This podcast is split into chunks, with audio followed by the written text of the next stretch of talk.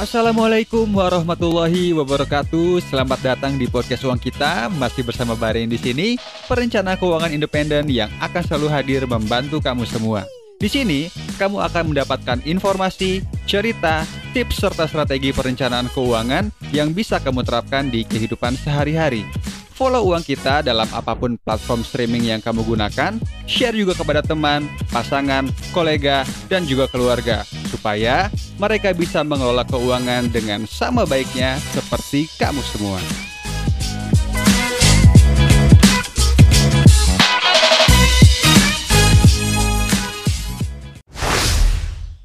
Selamat memasuki bulan Ramadan 1441 Hijriah. Selamat menjalankan ibadah puasa untuk teman-teman muslim semua. Di bulan Ramadan ini kita harus di rumah aja, jadi nggak ada buka bersama di luar, terus juga nggak ada tarawih berjamaah di masjid, nggak ada mudik juga karena mudik udah dilarang sama pemerintah. Di episode kali ini kita akan bahas sesuatu yang jadi pertanyaan banyak orang. Saya juga nggak nyangka ternyata banyak orang yang tertarik dengan tema ini tapi kalau kamu nebak temanya adalah tentang pengelolaan keuangan di bulan Ramadan, kamu salah besar karena di episode kali ini kita akan bahas tentang persiapan untuk menghadapi resiko PHK. Bukan pesimis atau bukan mau berdoa buruk, tapi yang harus kita sadari dalam dunia kerja satu hal yang selalu ada adalah resiko PHK. Bahkan kalau posisi dari teman-teman sekarang adalah seorang karyawan tetap di perusahaan ternama, yang katanya perusahaannya akan tetap bertahan sampai kapan pun juga, resiko PHK itu akan tetap ada. Saya jadi teringat sama kasus beberapa waktu lalu, tepatnya beberapa tahun lalu, di mana harga minyak dunia turun dan kemudian banyak perusahaan minyak e, kesulitan dan kemudian berimbas pada keuangan perusahaan dan terpaksa merumahkan karyawan mereka. Bayangkan, sebuah perusahaan yang tidak pernah kita kira akan terganggu secara ekonominya karena semua orang butuh bahan bakar bukan? Tapi ya ternyata keadaan memang tidak sesuai dengan harapan waktu itu. Apa pun bisa terjadi di dunia yang dinamis ini. Gak main-main waktu itu yang dirumahkan adalah karyawan dengan level manajer ke atas kalau nggak salah sampai dengan levelnya di bawah direktur. Uh, cukup miris juga waktu itu. Kami tahu banget karena waktu itu kami melakukan pendampingan ke beberapa perusahaan uh, minyak yang cukup besar di Indonesia. Oleh karenanya, penting untuk kita mempersiapkan diri menghadapi situasi apa pun yang terjadi ke depannya, tidak hanya ketika ada desas-desus akan ada perampingan kerja atau karena sekarang ada corona, tapi kita harus siap dengan situasi apa pun yang akan terjadi ke depannya yang mungkin akan menimpa kita. Kita mulai dari yang pertama yaitu mempersiapkan dana darurat yang cukup. Nah, kita sebagai karyawan bisa mempersiapkan diri dengan cara mempersiapkan dana darurat yang cukup untuk menghadapi resiko PHK. Dengan memiliki dana darurat yang cukup, bila pun ada PHK tiba-tiba, maka kondisi keuangan teman-teman dan keluarga relatif lebih aman. Dengan punya dana darurat yang cukup, teman-teman bisa bertahan hidup yang artinya tetap bisa belanja bulanan, eh, tetap bisa bayar listrik, air, dan internet, Terus juga bisa membiayai kebutuhan hidup lainnya meski sudah nggak ada gaji bulanan. Ada yang main Twitter di sini? Coba cek deh beberapa hari kemarin ada tweet viral yang isinya ceritain temennya yang baru aja dirumahkan sama perusahaannya. Temannya ini bergaji 80 juta, punya cicilan mobil mewah dan juga punya cicilan rumah di kota wisata. Selain itu katanya biaya hidupnya juga tinggi. Tapi karena tabungannya tipis, yang artinya nggak ada dana darurat, akhirnya keuangannya berantakan dan mirisnya keluarganya juga ikut berantakan. Tentu kalau punya dana darurat akan lain kan ceritanya. Nah, for your information, dana darurat setiap orang itu berbeda, tergantung dari status pengeluaran bulanan dan juga tanggungannya. Untuk tahu berapa kebutuhan dana darurat yang cukup, teman-teman harus terlebih tahu dulu berapa pengeluaran uh, setiap bulan ada dua versi perhitungan sebenarnya untuk menghitung kebutuhan dana darurat ini. Ada yang menghitung dari pengeluaran bulanan, ada juga yang menghitung dari penghasilan bulanan. Menurut pendapat pribadi dan pengalaman saya, eh, yang paling relevan itu adalah menghitung dana darurat dari pengeluaran. Kenapa? Karena bisa jadi penghasilan itu tidak merepresentasikan pengeluaran seseorang. Misalkan penghasilannya 180 juta, tapi pengeluarannya cukup dengan 50 juta, maka dia tidak perlu menghitung kebutuhan dana darurat dari 180 juta rupiah. Tapi ada juga orang yang penghasilannya 5 juta, kemudian pengeluarannya 7 juta, dia dapat 2 jutanya dari penghasilan tambahan. Sehingga dia harus menghitung dari 7 juta bukan dari 5 jutanya. Nah, setelah kita tahu berapa pengeluaran bulanan, yang selanjutnya harus diketahui adalah dia statusnya sekarang apa dan berapa banyak orang yang bergantung hidup kepada dia atau tanggungannya berapa banyak.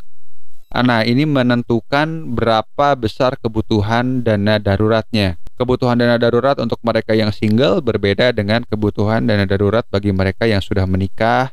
Uh, terus berbeda juga dengan mereka yang sudah menikah dan punya anak dan punya anak tapi anaknya lebih dari dua. Setiap status itu menentukan kebutuhan dana daruratnya masing-masing. Ini untuk dicatat sama teman-teman uh, semua yang lagi dengerin podcast ini. Kalau teman-teman sekarang masih single, maka yang diperlukan oleh teman-teman adalah mempersiapkan dana darurat sebanyak tiga kali pengeluaran bulanan itu minimum. Dan untuk yang sudah berkeluarga dan punya satu orang anak, artinya kepala keluarganya ini punya dua orang tanggungan, istri dan anaknya, maka dia butuh dana darurat sekitar enam kali pengeluaran bulanan. Tapi berbeda kalau misalkan anaknya udah lebih dari dua gitu ya. Jadi tanggungannya ada tiga atau lebih, maka kebutuhan dana daruratnya sekitar 9 sampai dengan 12 kali pengeluaran bulanan. Hal kedua yang harus dipersiapkan untuk menghadapi resiko PHK adalah teman-teman harus menyiapkan asuransi kesehatan tambahan atau asuransi kesehatan cadangan. Bila ternyata isu PHK semakin gencar dan teman-teman jadi salah satu orang yang diisukan akan terkena PHK, maka hal yang juga perlu dipersiapkan adalah asuransi kesehatan yang baru. Ingat PHK itu tidak hanya menyebabkan teman-teman kehilangan gaji bulanan, tetapi juga membuat teman-teman kehilangan fasilitas-fasilitas yang disediakan oleh perusahaan. Nah, salah satu fasilitas yang penting adalah asuransi kesehatan. Jangan sampai ada periode kosong di mana teman-teman tidak terlindungi asuransi kesehatan. Bayangkan kalau misalkan teman-teman baru di PHK, terus posisinya belum dapat kerjaan baru, dan teman-teman masuk rumah sakit harus dioperasi atau sesuatu treatment perawatan yang membutuhkan biaya yang besar kalau nggak punya asuransi kesehatan, tentu teman-teman harus membiayai sendiri semua uh, treatment atau perawatan tersebut kan. Nah, tentu kondisi ini akan membuat teman-teman kelabakan dalam hal biaya. Sehingga minimumnya teman-teman harus memiliki asuransi kesehatan itu BPJS atau kalau misalkan dirasa BPJS nggak cukup, uh, maka teman-teman bisa cari asuransi-asuransi kesehatan yang sekarang udah banyak banget pilihannya tersedia di market. Ketiga, kalau misalkan benar teman-teman jadi di PHK, hal lain yang juga nggak kalah penting dipersiapkan adalah mental. Adanya PHK pasti bikin mental seseorang jadi labil, dan itu pun mungkin akan terjadi sama teman-teman yang terkena PHK. Kondisi mental yang labil akan bikin seseorang membuat keputusan-keputusan yang mungkin tidak dipertimbangkan dengan baik sehingga kalau misalkan teman-teman terkena PHK, tahan dulu untuk tidak membuat sebuah keputusan yang besar termasuk keputusan yang berhubungan dengan keuangan. Misalkan, jangan dulu memutuskan untuk berinvestasi, jangan dulu memutuskan untuk memulai bisnis, jangan dulu memutuskan untuk menjual rumah atau kendaraan ataupun aset yang lainnya. Ambil dulu waktu, tarik nafas dulu, satu minggu, dua minggu, agar teman-teman bisa menenangkan diri dan bisa mengambil keputusan yang memang dipertimbangkan secara baik-baik dan juga matang. Lanjut yang keempat, eh, setelah kondisi mental lebih stabil, lakukan perencanaan keuangan ulang. Teman-teman yang terkena PHK mungkin akan dapat pesangon dari perusahaan ada yang dapat satu kali gaji atau juga ada yang dapat uh, lebih dari tiga kali gaji tergantung dari posisi dan lama kerja teman-teman di perusahaan tersebut. Jadi penting untuk teman-teman melakukan perencanaan keuangan ulang uh, baik dari pesangon yang didapatkan ataupun dari perencanaan yang sudah dilakukan saat ini. Kalau pengen liburan di akhir tahun ini tahan dulu atau pengen beli mobil dalam waktu dekat juga tahan dulu. Kalau teman-teman bingung untuk cara mengelola dan merencanakan keuangan, teman-teman uh, bisa belajar perencanaan keuangan, baca artikel atau baca buku, ikut training karena sekarang cukup banyak juga. Atau dengar podcast ini share ke teman-temannya juga bisa. Atau kalau masih bingung teman-teman bisa hubungin perencana keuangan yang bisa bantu teman-teman mengelola dan merencanakan keuangan supaya uangnya teman-teman ini bisa dimanfaatkan secara efektif dan juga efisien. Yang kelima dalam persiapan menghadapi resiko PHK adalah pengelolaan keuangan yang baik yang harus dilakukan nanti setelah teman-teman terkena PHK. Tapi persiapannya harus dilakukan dari sekarang, yaitu dengan cara melatih diri untuk bisa mengelola keuangan dengan baik. Jadi, Meskipun teman-teman udah melakukan perencanaan keuangan yang baik, tanpa disertai dengan pengelolaan keuangan bulanan yang baik, maka perencanaannya akan sia-sia. Dalam pengelolaan bulanan ini, teman-teman harus pintar-pintar memilih mana kebutuhan dan mana keinginan. Mengingat saat di PHK artinya teman-teman udah nggak dapat gaji bulanan dan teman-teman mengandalkan dana darurat sebagai sumber penghidupan sehari-hari. Jadi teman-teman harus pintar memilah dan memilih mana uh, kebutuhan yang harus dibeli sekarang dan mana yang bisa ditunda. Kebutuhan atau pengeluaran yang harus diutamakan adalah kebutuhan yang menyangkut dengan keberlangsungan hidup. Misalkan kebutuhan pokok itu tidak bisa ditunda-tunda.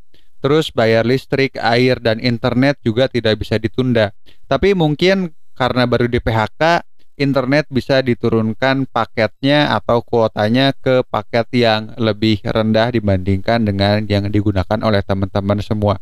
Selain itu, uang sekolah anak juga nggak bisa ditunda untuk teman-teman yang udah punya anak dan termasuk hal-hal lainnya yang teman-teman rasa merupakan sebuah pengeluaran atau kebutuhan yang memang sangat dibutuhkan oleh teman-teman dan menyangkut dengan keberlangsungan hidup. Uh, sedangkan pengeluaran yang bisa ditunda adalah jalan-jalan ke mall, terus jalan-jalan ke luar kota, juga arisan itu bisa ditunda terlebih dahulu. Oh ya, investasi juga bisa ditunda terlebih dahulu karena lebih penting untuk teman-teman bisa menutupi kebutuhan bulanan dulu dibandingkan dengan berinvestasi. Investasi nanti lagi aja tunggu sampai dengan kondisi ekonomi teman-teman kembali stabil.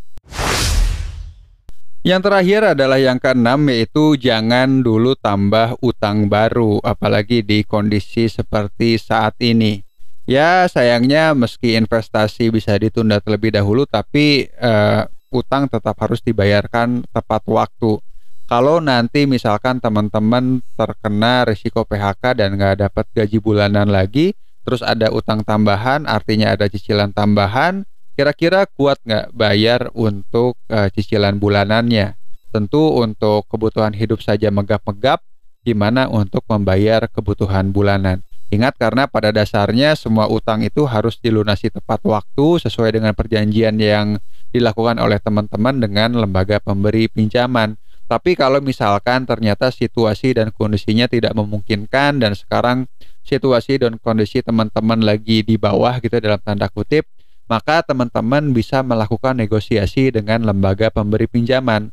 Nah, kabar baiknya khusus untuk situasi seperti saat ini di tengah-tengah pandemi seperti saat ini, OJK udah kasih surat edaran kepada bank sama leasing untuk bisa kasih keringanan untuk teman-teman yang punya pinjaman, terutama untuk teman-teman yang terkena dampak pandemi ini secara uh, langsung gitu ya.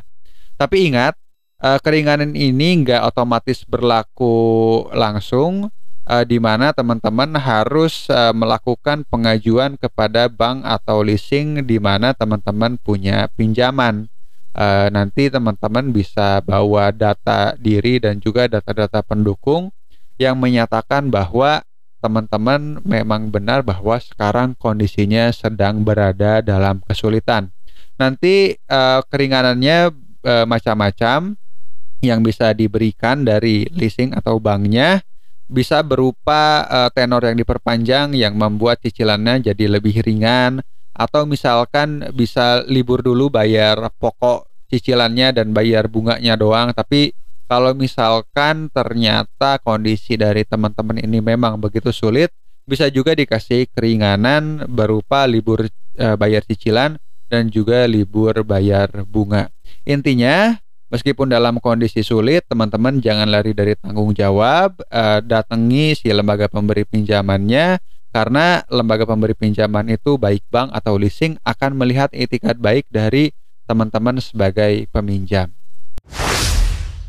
Terus kalau misalkan nggak punya dana emergensi gitu boleh ngutang nggak? dana daruratnya nggak ada sedangkan uh, ada potensi untuk di PHK gimana tuh solusinya kalau untuk teman-teman yang eh, nggak uh, punya dana darurat sama sekali sebenarnya nggak perlu terlalu khawatir karena ketika di PHK karyawan yang terkena PHK itu akan dikasih pesangon sama perusahaannya sehingga yang perlu dilakukan adalah menggunakan dana pesangon tersebut sebaik-baiknya tapi kalau misalkan nggak punya eh, nggak eh, dapat pesangon yang cukup gitu, maka yang bisa dilakukan adalah jual beberapa barang yang masih ada nilainya.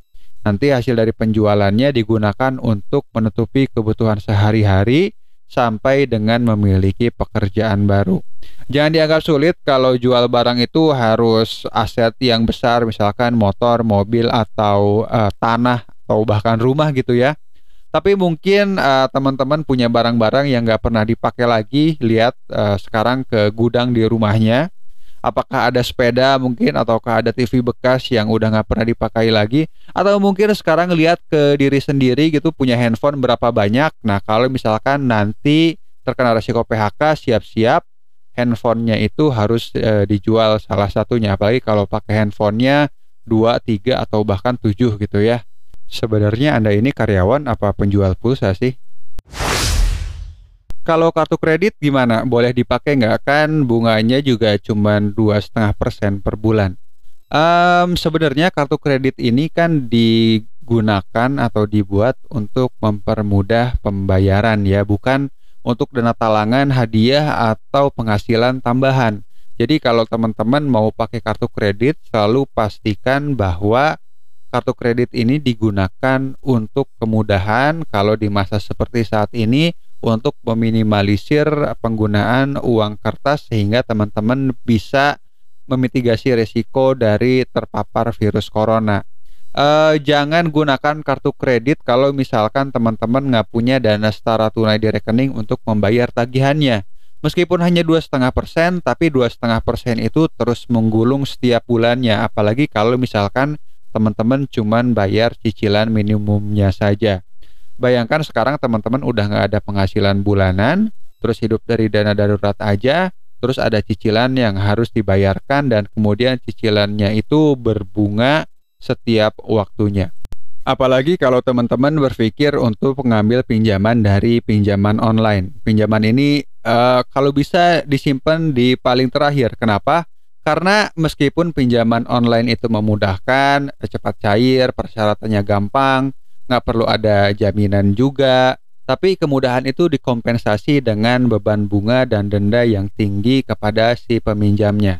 Untuk bunganya nggak tanggung-tanggung, bunganya itu sekitar 0,6% sampai dengan 0,8% per hari. Itu hampir satu persen loh.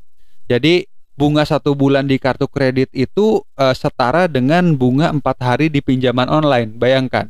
Tapi kalaupun teman-teman mau ngambil pinjaman online ya silahkan. Uh, tapi penting untuk uh, melihat dulu berapa besar bunga yang dibebankan dan tahu berapa banyak denda yang diberikan kalau ada telat pembayaran.